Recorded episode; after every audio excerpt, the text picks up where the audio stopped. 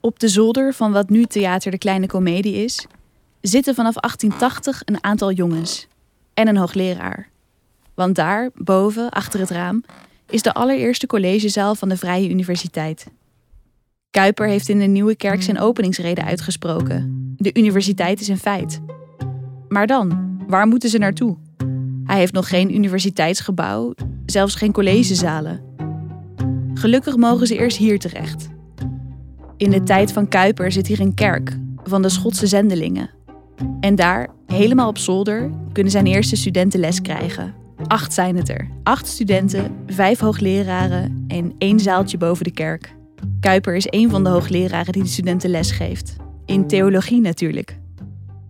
En een van de moeilijkste lastigste examens voor de studenten uh, theologie was dat zij moesten proefpreken voor Kuiper. Nou, de, daar zullen ze peentjes gezweet hebben, want dat was natuurlijk nooit goed. Hij wist het altijd beter. Dat is niet het enige vak dat Kuiper geeft. Kuiper geeft allerlei vakken. Hij geeft natuurlijk theologie, hij geeft Nederlands, hij geeft predikkunde, maar hij geeft ook muziek. Al kan hij niet zingen en is hij niet muzikaal, maar schrijft een van die studenten. Als hij over muziek praat, heb je het gevoel dat hij er alles van weet. Nou ja, dit geeft wel weer een beetje aan hoe hij die mensen in de ban hield toch konden ze niet alles studeren wat ze wilden. Het begon met eh, theologie, met rechten en met letteren en wijsbegeerte. Dat was één faculteit. Dus het begon met drie faculteiten. Dat betekent dat er uh, twee faculteiten ontbraken. Want een universiteit had destijds uh, wettelijk vijf faculteiten. Dus daar hoorde ook nog bij wiskunde en natuurkunde en een uh, geneeskundefaculteit. Nou, ze begonnen met drie faculteiten die het minst duur waren. Ja, natuurlijk geen laborator dure laboratoria en uh, instrumenten nodig. En het waren natuurlijk ook wel de drie faculteiten waar je nog het meest met je geloof kan eigenlijk. Hè. Het zijn uh, alfa-wetenschappen, theologie, rechten, uh, letter- en wijsbegeerte, die toch wat subjectiever zijn, wat minder met de harde experimenten te maken hebben.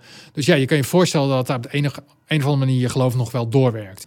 Er werd ook wel wat op neergekeken op die kleine universiteit van de gereformeerden. Uh, het, het, werd niet zo serieus genomen door andere universiteiten in Nederland.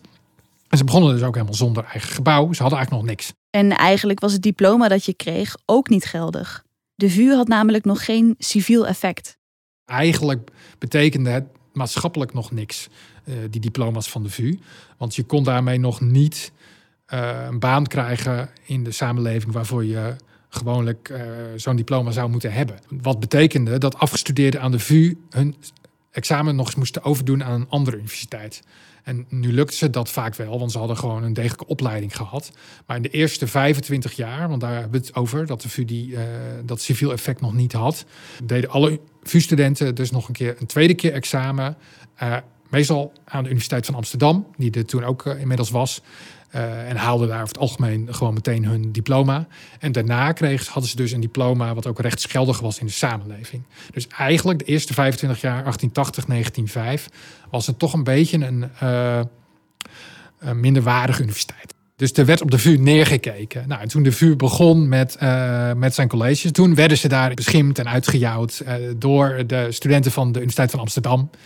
En die hadden ook s'nachts uh, gravity boven de deur gezet. Worden uit Dantes hel. Gij die hier binnen gaat, laat alle hoop varen.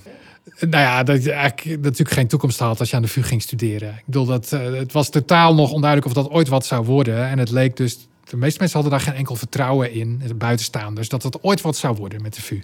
Het was gewoon, uh, ja, een raar initiatief van een, van, van een paar uh, mafkezen. Uh, onder leiding van Kuiper, die ook gehaat werd door veel mensen natuurlijk, omdat hij zo'n provocateur was. En het was echt wel, je moest wel echt wel ergens doorheen als je aan de VU ging studeren in die begintijd. Toch studeren ze hier, omdat dit de gereformeerde universiteit is. Het eerste jaar komt er een handjevol studenten en daarna groeit het gestaag. Na drie jaar kunnen ze het pand aan de Keizersgracht 162 kopen, waar we eerder waren. Van zolderkamertje gaan ze naar eigen statig gebouw. De studenten zijn onder dak. Maar hoe zit het met die andere groep die Kuiper aan zich wist te binden?